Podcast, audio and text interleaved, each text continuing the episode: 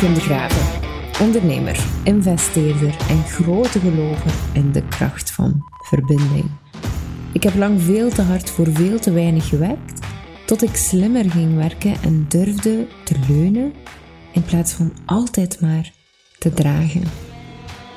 Vandaag ben ik financieel vrij en ik hoop anderen te inspireren om te groeien naar een onbegrensd leven op basis van tijd, energie en geld, zodat je de ruimte creëert voor wat er echt belangrijk is voor u.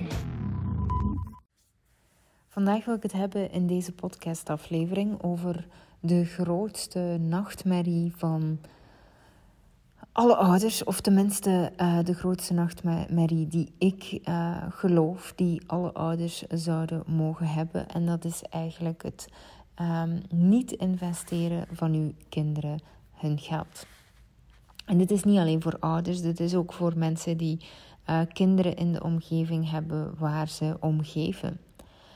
Um, financieel gezien hebben wij controle. En dit klinkt altijd een beetje gek, omdat um, veel mensen dat niet zo zien. Maar eigenlijk is dat wel zo. Uh, hoe je leven er vandaag uitziet, financieel, is echt um, volledig gebaseerd op de keuzes die je gemaakt hebt als mens in je leven. En ik weet dat, dat dit soms mensen triggert. Um, maar het is niet omdat ik dit zeg dat er in de toekomst niks kan veranderen. Um, en, en deze is wel belangrijk. Als je geld niet wilt aankijken, bijvoorbeeld, of uh, uw financiën zijn een en al warboel en je hebt wel geld, maar je kijkt er nog steeds niet, liever niet naar omdat je het vies vindt of er niet mee bezig wilt zijn of dat je het saai vindt of weet ik veel wat. En daardoor zijt je onrustig. Dan is dat een keuze die je gemaakt hebt, waardoor dat die onrust nu komt.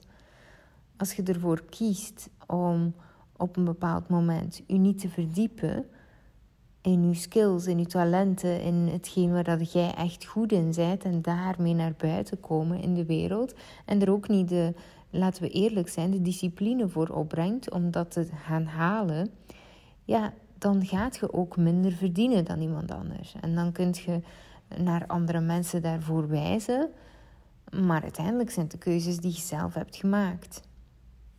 En uiteraard gebeuren er altijd dingen Uiteraard zijn er dingen zoals bijvoorbeeld crisissen of vervelende situaties die voorvallen. Ik zeg maar iets, iemand die sterft en op een bepaald moment moet je successierechten betalen voor het erfgoed en daardoor gaat er een deel verloren.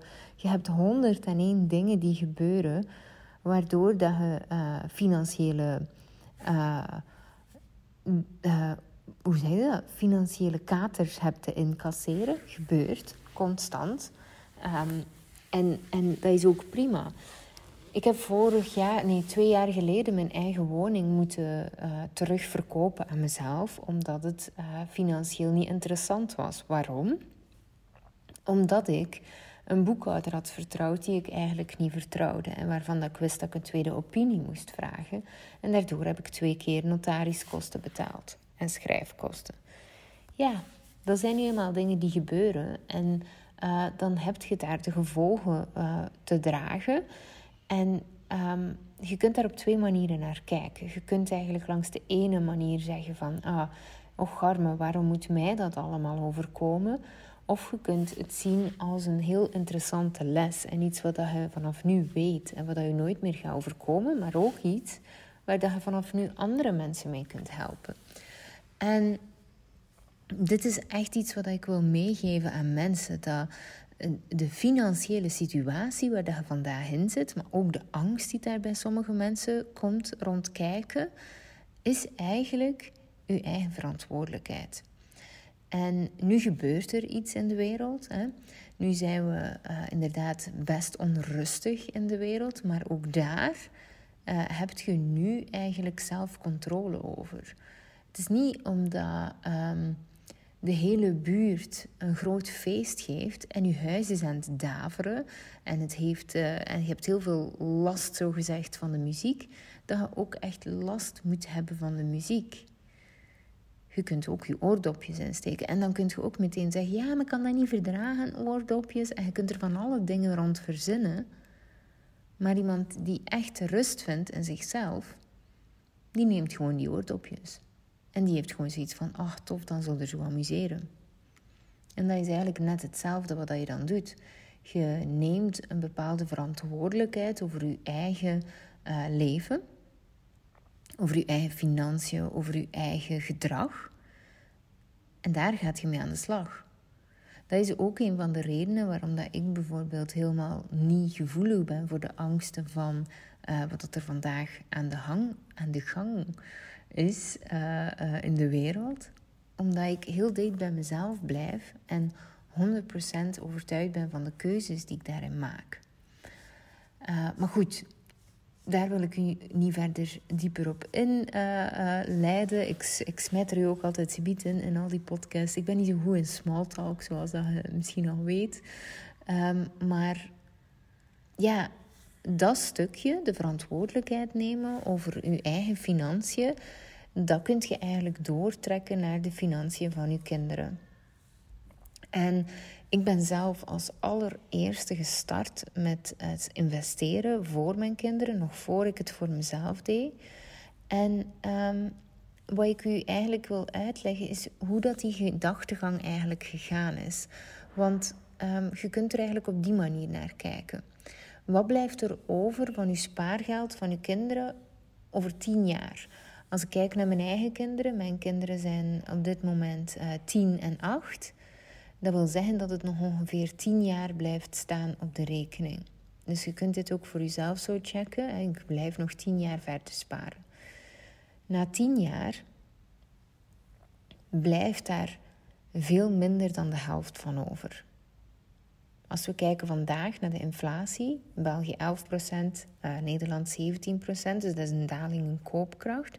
Dus elk jaar kun je 11% en 17% in Nederland minder kopen met het geld op de spaarrekening, uw euro's. En veel mensen vinden het heel moeilijk om hun eigen geld te investeren, omdat ze soms zoiets hebben van ja, maar uh, om uit die angst weer, waar dat je dus inderdaad een keuze hebt te maken. En als je geen verantwoordelijkheid neemt over je financiën, dan zult je die later in de toekomst dragen. Maar het stuk, en daar kan ik nog vatten dat er bij sommige mensen angsten zitten, maar over het stuk, het spaargeld van de kinderen, daar kun je eigenlijk bijna niet meer.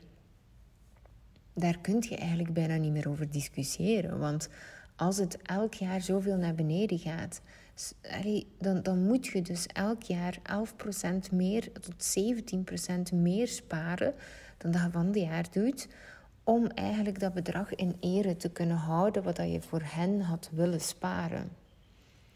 En dat is gigantisch veel. En um, als je daarbij stilstaat en je weet van over tien jaar blijft er waarschijnlijk helemaal niks meer van over. Als ik vandaag gewoon blijf verder sparen, gelijk hoe dat ik nu doe ja, dan, dan zijn er weinig alternatieven. Pak nu dat je vandaag 500 euro hebt staan op de spaarrekening voor je kinderen, dan is dat binnen vijf jaar maar 250 euro meer waard als we in België kijken. Dus de minste uh, inflatie.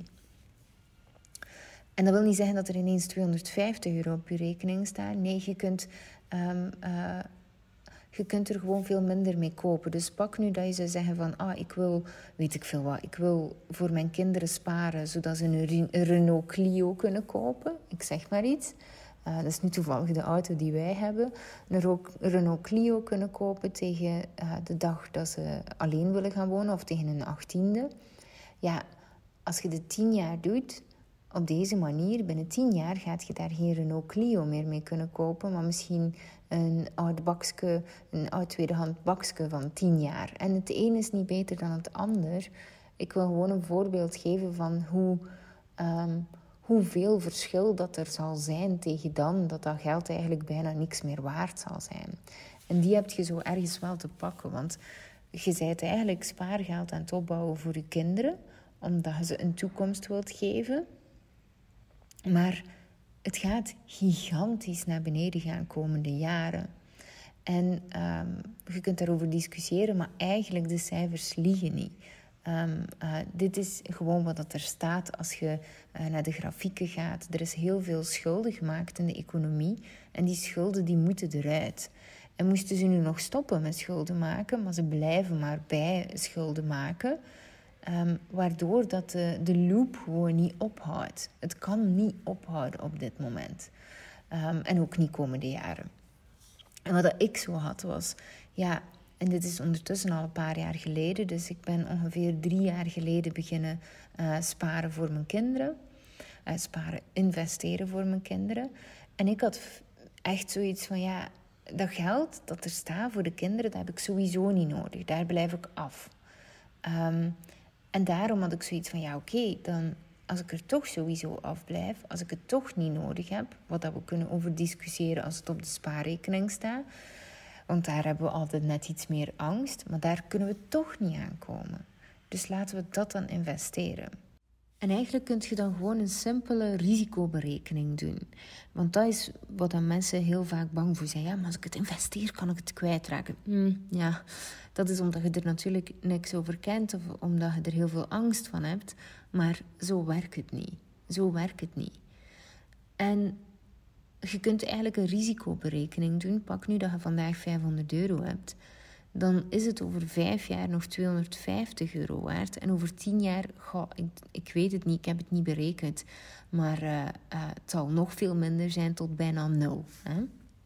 Dus als je zegt van ah, binnen 10 jaar is mijn 500 euro dus eigenlijk quasi 0 euro waard, kunt je zelf berekenen met de inflatiecalculator. En dan weet je ondertussen 11% en 17% voor uh, Nederland, die laatste. Um, of je gaat het investeren. En ik heb bijvoorbeeld uh, verschillende uh, assets in mijn um, portfolio voor de kinderen. Ga ik later nog op terugkomen. Uh, waar dat het eigenlijk, waar dat mijn kinderen misschien wel 50 of maal 100 kunnen gaan de komende vijf jaar. Hè? Ja, dus ofwel als ik het laat staan op de rekening, dan verlies ik sowieso 250 euro. Want dat is wat er gebeurt op de bank. Als ik meer inleg, ja, oké, dan moet ik harder werken. Kan ook. Uh, en dan verliezen we nog altijd die 250 euro. Maar goed, hè, dan, dan is het verlies opgelost. Of je investeert die 500 euro en binnen vijf jaar, niet binnen 10 jaar, maar binnen vijf jaar heb je maal 50. En uh, ik moet eigenlijk eventjes rekenen nu, maar 500 maal 50 is 25.000 euro. 25.000 euro. Op 5 à 7 jaar is dat um, het rendement wat ik heb berekend voor een paar uh, aandelen die ik op dit moment heb. En ik spreid natuurlijk, want je bent nooit zeker. Maar zelf al doet het maar ene en de rest faalt, dan heb ik nog altijd mijn 25.000 euro. En dat is hoe dat ik denk. Dus ofwel speelt je klein en speelt je om te verliezen en zit je constant te, te zoeken naar, oké, hoe, hoe gaan we dit nu precies doen? Hè? Want, want daarover gaat het uiteindelijk. Hoe, hoe gaan we um, ervoor zorgen dat het niet naar nul gaat? Gaan we harder werken? Uh, of laat het gewoon tot nul gaan? Hè? Dat kan ook. Ofwel zeg van, oh godverdikke, ik neem controle over mijn leven en nu ga ik leren over financiën en ik ga het zelf doen. En dan, dan verandert er van alles. Want dit is hoe dat ik dus denk. Veel te veel mensen die spelen om niet te verliezen. Maar eigenlijk is er niks te verliezen als je speelt om te winnen. Want je spreidt en je verliest sowieso. Het enige wat je dus doet is uh, een bepaald bedrag inzetten. En daar gaat het dus eigenlijk over leren. En op die manier kiest je dus hoe dat je geld voor u gaat leren werken. En dit is fantastisch als je dat op die manier begint te snappen. Want ja, ik, ik weet zelf niet hoe dat ik het meer kan uitleggen dan dat. Want ik wil zo graag dat je die goed pakt. En ik weet dat sommige mensen direct gaan... Direct gaat dat ego hun proberen beschermen.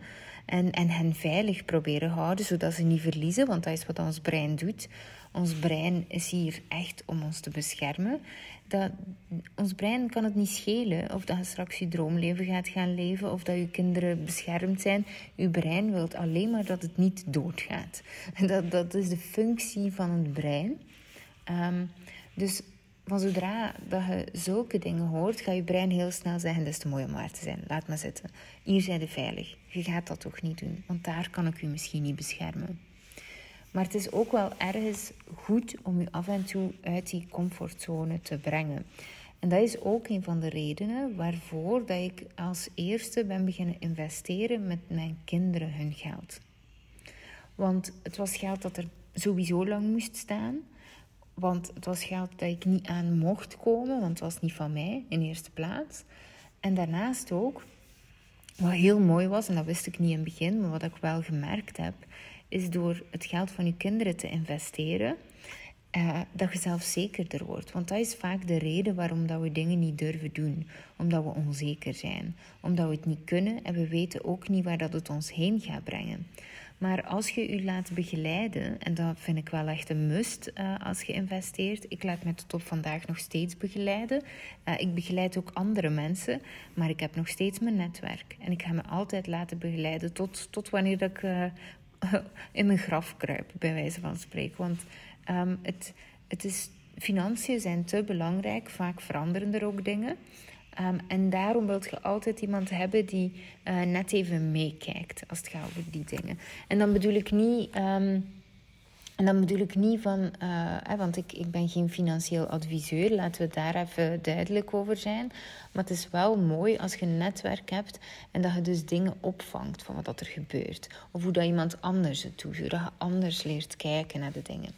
Nu goed, um, maar als je dus al investeert met een bedrag dat sowieso uh, naar nul gaat gaan over tien jaar of quasi naar nul, hè, het gaat belachelijk zijn voor woorden, um, en je zegt van oké, we doen het gewoon, dan gaat je ook zelfzekerder worden. Want je zijt het op dat moment aan het doen en daardoor gaat je anders gaan kijken naar de wereld.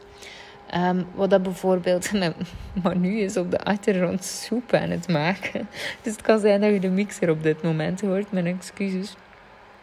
Maar uh, wat, wat dat zo interessant is, is... Um, het is een beetje hetzelfde gelijk fietsen. Eva was heel bang om te fietsen. Ze kon wel fietsen. Maar ze werd pas echt zelfzeker op het moment dat we eigenlijk besloten om alle dagen naar school te fietsen.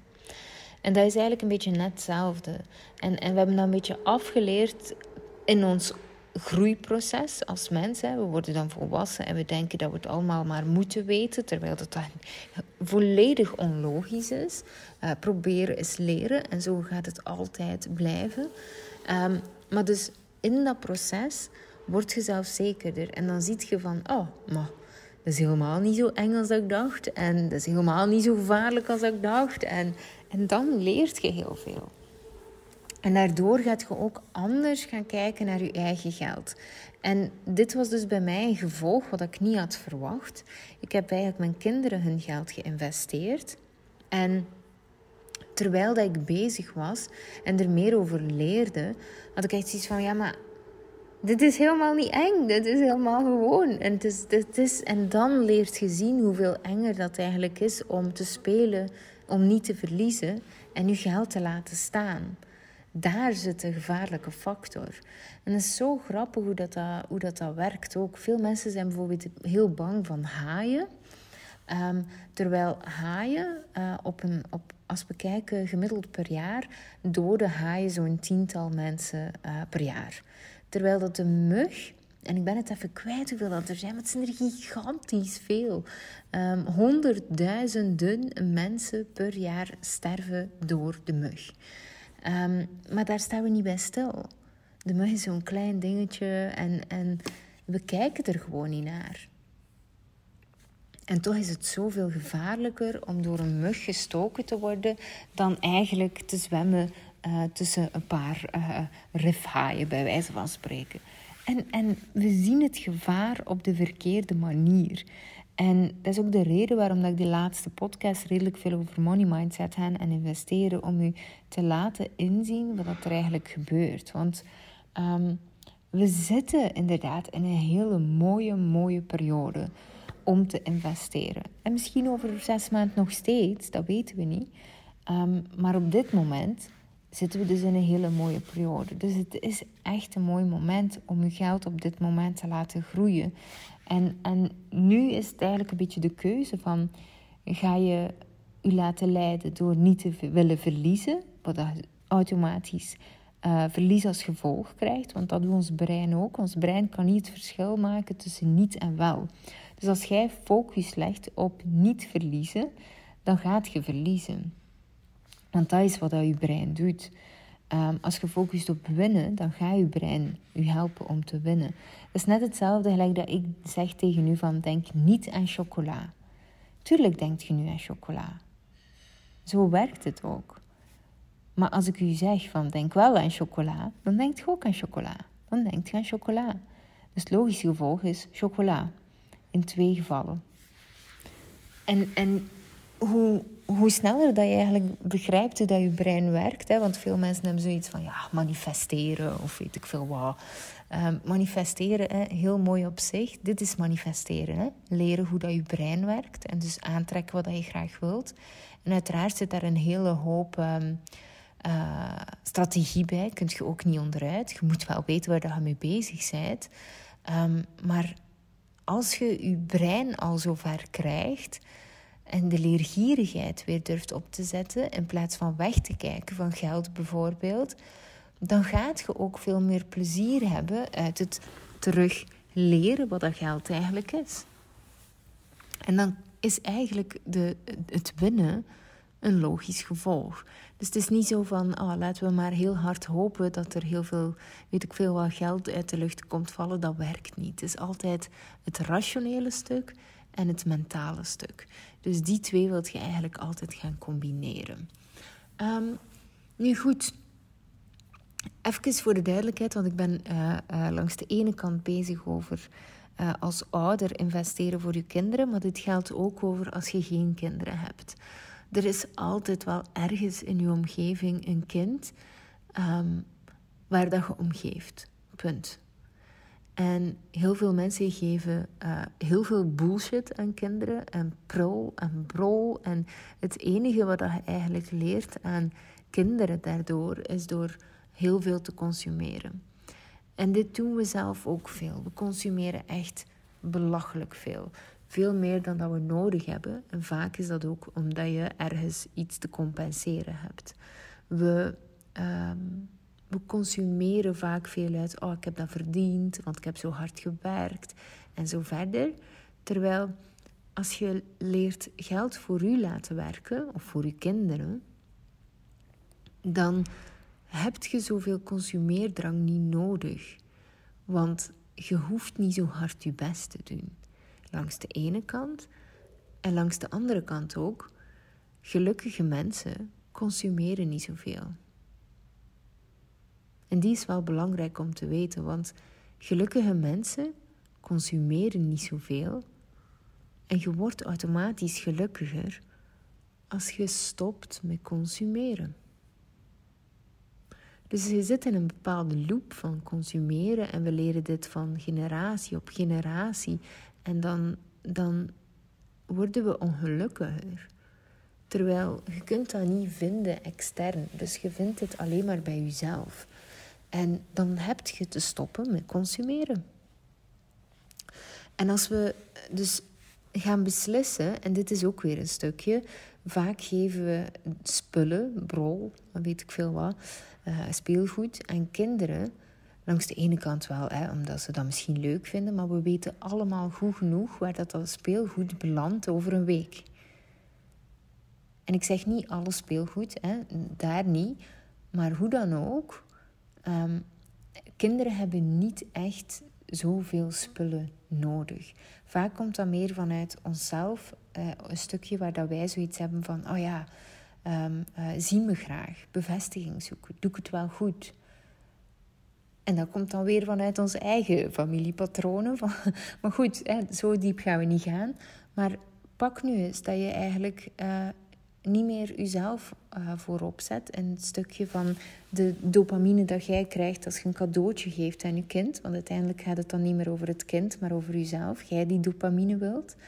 Um, dus een, uh, een hersenstofje die, die je gelukkig maakt op korte termijn. Uh, als je iets, iets goeds hebt gedaan voor de kinderen. Maar wat als je nu zegt van nee, ik, ik heb de discipline om niet om impact te maken voor mijn kinderen, veel meer dan korte termijn geluk of plezier, laten we het zo zeggen, want het is niet echt geluk. Dus korte termijn plezier is speelgoed kopen en brood kopen. En dat wil niet zeggen dat je dat niet meer kunt doen. Maar wat als je nu zegt van... Hé, hey, ik geef de helft zoveel uit. En de andere helft investeer ik. En de andere helft laat ik groeien. Want ik wil het meest impact maken voor mijn kinderen. En dan wil ik heel graag dat ze op langere termijn kunnen genieten van hun geld. En dingen kunnen kopen die echt belangrijk zijn voor hen. En het ding is dat als je op die manier gaat werken en je betrekt je kinderen daarbij, en als ze heel vroeg zijn is dat een beetje moeilijk, maar nu zijn ze 9, eh, 8 en 10, sorry. En nu merk ik dat ik ze al kan betrekken in het investeringsgegeven, waardoor dat ze... Mijn kinderen verstaan perfect wat dat inflatie is, wat dat euro's doen. En zij zeggen dat ook, ik, ik wil geen euro's. Allee, ik bedoel, uh, en tuurlijk wel, hè, voor korte termijn iets uit te geven... Maar mijn kinderen die snappen hoe dat geld werkt. Waar komt geld vandaan? Uh, waarom is een fiat systeem, dus de euro, in het verleden nooit uh, geslaagd? De val van het Romeinse Rijk kwam door de euro. Ja goed, dus zij kennen de geschiedenis van geld en zij weten wat er gebeurt met geld. En daardoor kijken ze ook anders naar de wereld. En ze zijn dus ook nu al slimmer met geld ze stellen zichzelf ook altijd de vraag van wil ik dit echt wel? Wat ik bijvoorbeeld doe is um, als ze geld krijgen van oma's en opa's en zo verder, dan mogen ze uh, 80% zelf houden, wat best nog veel is. Maar goed, ik, ik vind, ik, ja, Goed, um, dat, dat, ik krijg het nog niet over mijn hart om meer te, uh, weg te halen dan 20%. Maar als ze wat ouder zijn, zullen we dat wel naar 50% brengen. Dus 80% mogen ze uitgeven nog steeds aan brood. 20% horen ze te investeren. Zij weten dat. En het grappige is, mijn dochter is nu uh, in september jarig geweest. En we zijn nu 31 oktober, dus uh, een dikke maand later. En dat geld zit nog steeds in haar portefeuille. En ze heeft zo één of twee kleine dingetjes gekocht. Maar ze stelt zichzelf de vraag: wil ik dit echt? Word ik hier echt gelukkig van? Want dat geld kan ook voor mij groeien. En als ik het nu niet echt graag wil, waarom zou ik het dan uitgeven? Want misschien kan ik dan straks iets wat ik echt graag wil kopen dat veel duurder is als ik het investeer. Dus je geeft daar geld niet meer zo makkelijk uit. Dus je herprogrammeert eigenlijk het, het brein naar lange termijn geheugen. En als je kinderen zeer slim worden financieel, dan kunnen zij het op hun beurt ook doorgeven, niet alleen aan hun kinderen later, maar ook aan hun vrienden en eh, de rest van de familie en, uh, en, en hun partner. En, en zo verspreid je eigenlijk het vuurtje van rijkdom. Want daarover gaat het ook. Het gaat over leren niet verliezen. Dus als je kinderen zoiets kunt meegeven, hoe krachtig is dat gewoon? En daar staan we niet bij stil, omdat we zo met onszelf bezig zijn en zo egocentrisch en angstig zijn over verlies. Terwijl dat het. Denk niet aan chocola. Als je niet wilt verliezen, wat gaat er gebeuren? Je gaat verliezen. Want dan doet je niks. Dan neemt je geen actie. En dat is precies de reden waarom dat vandaag je leven eruit ziet zoals dat eruit ziet. Dus ja, en, en die heb je echt wel te pakken. En dat is ook weer hetzelfde wat ik dan zie met Um, dan, mensen kiezen dan voor het op één na slechtste. Dan gaan ze niet investeren of dan gaan ze niet, niet meer sparen op de bank. Dat is wat ik bedoel. Maar dan zeggen ze, ja, ik ga beleggen bij de bank. Ja. Dan gaan ze gaan beleggen bij de bank. Oké. Maar dit is een verdienmodel van de bank. Punt 1 is er geen spreiding, want u, alles zit nog steeds bij diezelfde bank. Uh, dus als banken over kop gaan, zijn er nog steeds aan het spelen voor niet te verliezen. Maar je bent nog steeds opengesteld voor al het gevaar dat er vandaag ook al heerst, dat banken over kop gaan. En ten tweede um, zit je met het stukje waar dat banken, en zoals, zo zei ik het daarnet al, dat zij een verdienmodel daaraan hebben gekoppeld. En ik heb echt al gekke rendementen gezien. Je, je betaalt al je winst aan de banken. Dus why the hell zijn dat dan aan het doen? Dan zet je dus voor jezelf zogezegd meer risico aan het nemen, maar je plukt er niet de vruchten van af. En die, die moeten mij even uitleggen, want die, die is zo vierkant langs alle kanten dat, het gewoon, dat ik het gewoon niet kan vatten. Hoe komt je erbij om bij een bank te gaan beleggen op dat moment? Dan, dan, dus, dus je wilt het zelf leren. En waarom wilt je het zelf leren? Niet, niet alleen omdat het gaat over je geld, waar je verdorie voor gewerkt hebt, maar ook omdat je dit kunt doorgeven aan je kinderen. En dat is wat je doet op dat moment. Je maakt hem financieel sterker. Is dat niet wat je wilt? Je, je leert over geld en geld heeft zoveel lagen, is zoiets moois om mee te werken. Je kunt gigantisch veel bereiken daardoor. Je leven kan er volledig anders uitzien over vijf jaar. Door gewoon te leren kijken naar geld. Maar we zijn zo bang voor geld, omdat we er nooit iets over geleerd hebben. Waarom niet? Omdat het heel gemakkelijk is om mensen te controleren die bang zijn van geld. Dan luisteren ze beter. Waarom leren we in godsnaam over vierkantswortels en parabolen en, en weet ik veel wat allemaal nog, maar niet over hoe dat financiën werken, hoe belastingen werken. Wat is inflatie? De meeste mensen worden dertiger dan ze voor de eerste keer van inflatie horen. Waarom leren we dat niet? Dat is geen toeval. Het is makkelijker als iedereen gewoon zijn belastingen betaalt, want dan denken ze nog steeds uit een bepaalde, uh, uh, hoe zei je dat, liefdadigheid, dat ze andere mensen helpen, minder bedeelden helpen. Terwijl in realiteit is dat niet waar dat de belastingen naartoe gaan, maar een heel klein deeltje. En als je, als je geld begrijpt, als je financiën begrijpt en je leert daarover, dan zie je dat ook. Dan weet je dat ook. Het is ook niet zo moeilijk om op te zoeken wat er allemaal in belastingen wordt betaald. Gewoon even onderzoek doen. We hebben Google. maar, maar we doen het niet omdat we niet durven kijken naar geld.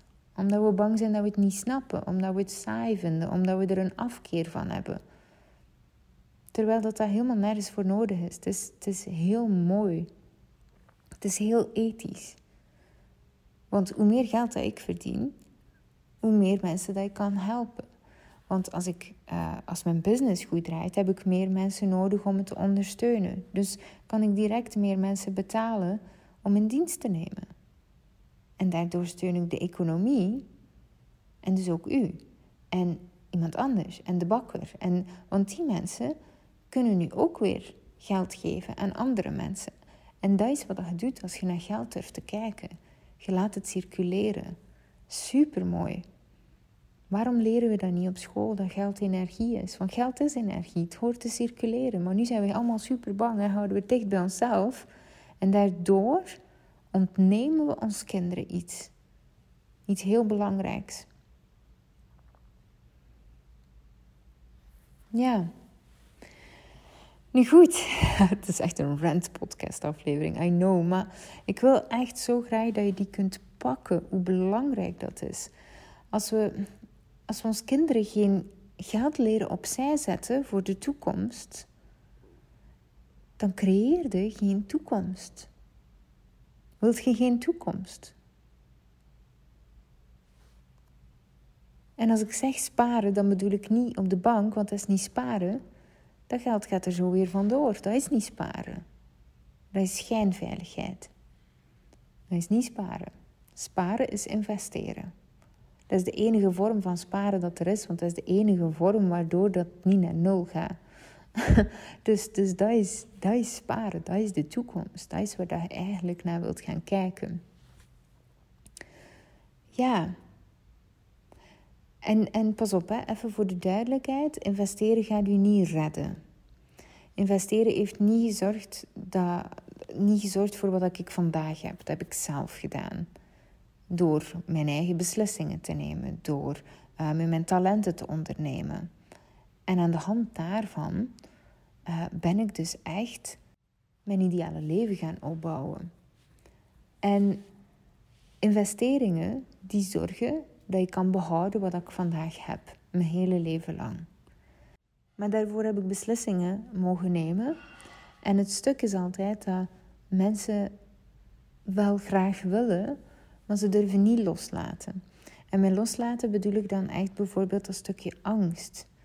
Ze willen wel graag investeren, maar ze willen ook graag het geld op de bank laten staan. En je kunt alles, maar niet alles tegelijk. En wat als je uh, toch die leap of faith neemt? Hoe, hoe, maar seriously, het is zelf geen leap of faith. Het is gewoon, is, en dit is dan weer rationele ik. Je ziet de, je ziet de grafieken langs beide kanten. En dan gaat het over risicoberekening. Kiest je voor 10 jaar het spaargeld van je kinderen te laten staan en naar nul te laten gaan? Of kiest je ervoor dat die 500 euro, die ofwel naar nul gaat, dat die misschien maal 50 gaat en 25.000 euro wordt? Want dat zijn de twee alternatieven. Het een is 0 en het andere is 25.000 euro. Ja, die 500 euro zou er bij mij wel al snel op staan. Maar ik snap het, want ik heb het zelf ook gehad in het begin. Ik vond het ook zo spannend. En ik heb echt hartkloppingen gehad tot op het moment dat ik ermee startte. En daarom wilt je dus laten uh, begeleiden daarin. Ehm, ja, sowieso heb ik uh, eh, 8 november een workshop lopen. Kost 35 euro. How to Fire noemt hij.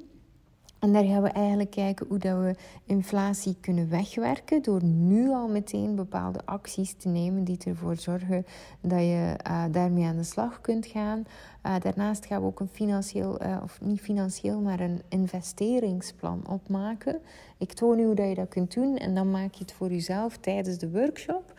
Um, en we gaan ook aan de slag, nu moet ik even denken, met hoe word je eigenlijk financieel vrij en daar rond bouwen. Um, en als laatste, um, oké, de workshop is dan 8 november, maar tot 10 november uh, doen we nog een WhatsApp-groepje erbij. En kunt je mij nog eigenlijk alle vragen nog stellen die te binnen schieten. Dan reageer ik daarop met een uh, audioberichtje. Um, dus ik, ik reageer sowieso nog twee dagen. Krijg je dus nog nazorg erbij. Uh, en dan, en, en voilà, doen we dat. Uh, dus, dus die wilt je uh, echt graag doen. Het is een supervolle, waarde, uh, supervolle waardevolle, die keer hetzelfde, um, workshop. Waar dat we dus echt heel diep gaan voor, godverdikke, slechts 35 euro. Maar ik wil zoveel mogelijk mensen daarin meenemen, zodat je um, zelf kunt gaan kijken naar de financiële um, toestand waar dat je jezelf in bevindt en dat je daar eigenlijk op kunt aan werken. Ik ga er ook voor zorgen dat je eigenlijk door naar je financiën te kijken, dat je meteen de workshop hebt terugverdiend. Uh, dus die gaan we ook echt pakken. Dus eigenlijk is die gewoon gratis. Um, en als laatste, um, de deuren naar Money Unlimited zijn nog open tot uh, eh, 11 november. Dus daar kunt je nog tot 11 november voor instappen. En dan kunt je met mij vier maanden lang samenwerken om dat echt tot in de puntjes allemaal uit te werken. Waar dat we dan samen aan de slag gaan. Maar goed, wilt je even uh, checken of dat we een match, match zijn? Ik moest het, was moeilijk om uit te spreken. Maar of dat we een match zijn en of dat je eigenlijk heel graag wel wilt samenwerken met mij dan kunt je komen naar de How to Fire workshop. Dus gewoon via kimdegraven.be slash investeren. En daar kunt je voor inschrijven. Het is een Zoom-meeting, het is een kleinere groep. Um, dus we zien elkaar echt live, we spreken met elkaar, dus niks te chat. Het is echt gewoon face-to-face, -face. dus dat is wel heel tof. En uh, ja, doen we dat zo. Ik heb er ontzettend veel zin in. Um, maar besef gewoon dat eigenlijk is dit de keuze een beetje dat je zelf wilt, um, voor jezelf wilt maken. Van uh, oké, uh, hoe erg zou je het vinden dat over tien jaar dat uh, investering of die 500 euro effectief 25.000 euro zou geworden zijn, terwijl dat jij nul over hebt. Hoe erg zou je dat vinden? En ook langs de andere kant, hoe erg zou je het vinden dat je het geprobeerd hebt, maar dat het niet gelukt is? En die wil je zelf even stellen. Want in mijn geval is die heel duidelijk. Ik ga altijd trots zijn op mezelf als ik het geprobeerd heb. Ik heb uh, vandaag contact opgenomen met iemand waar ik heel graag een samenwerking mee wou doen. En ik heb een nee gekregen. Kan gebeuren. Maar ik vind het niet erg om een nee te krijgen. Want ik ben fucking trots op mezelf dat ik het doe. Elke keer opnieuw. En de volgende keer krijg ik een ja van iemand anders. En dat is ook helemaal prima. Of misschien zelf een ja van die persoon. Maar is het nu gewoon niet het juiste moment. En dat is net hetzelfde met investeren. Dus um, wat vind jij zelf het ergste? Dat je het niet probeert en dat sowieso nul is? Of dat je het wel probeert en dat nul is? Wat is het verschil? Niks. In mijn ogen. Maar goed, ik wil hem niet invullen voor u natuurlijk. En ook even daarnaast het stukje van, ja, hoe hard gaat je nog heel je leven moeten werken om te behouden wat je op dit moment hebt? En gaat het kunnen behouden op de manier dat je het vandaag doet? En dat zijn de dingen die erg interessant zijn om over na te denken. Maar goed, kimdegraven.be slash investeren. En dan zie ik u daar uh, op 8 november. Tot dan!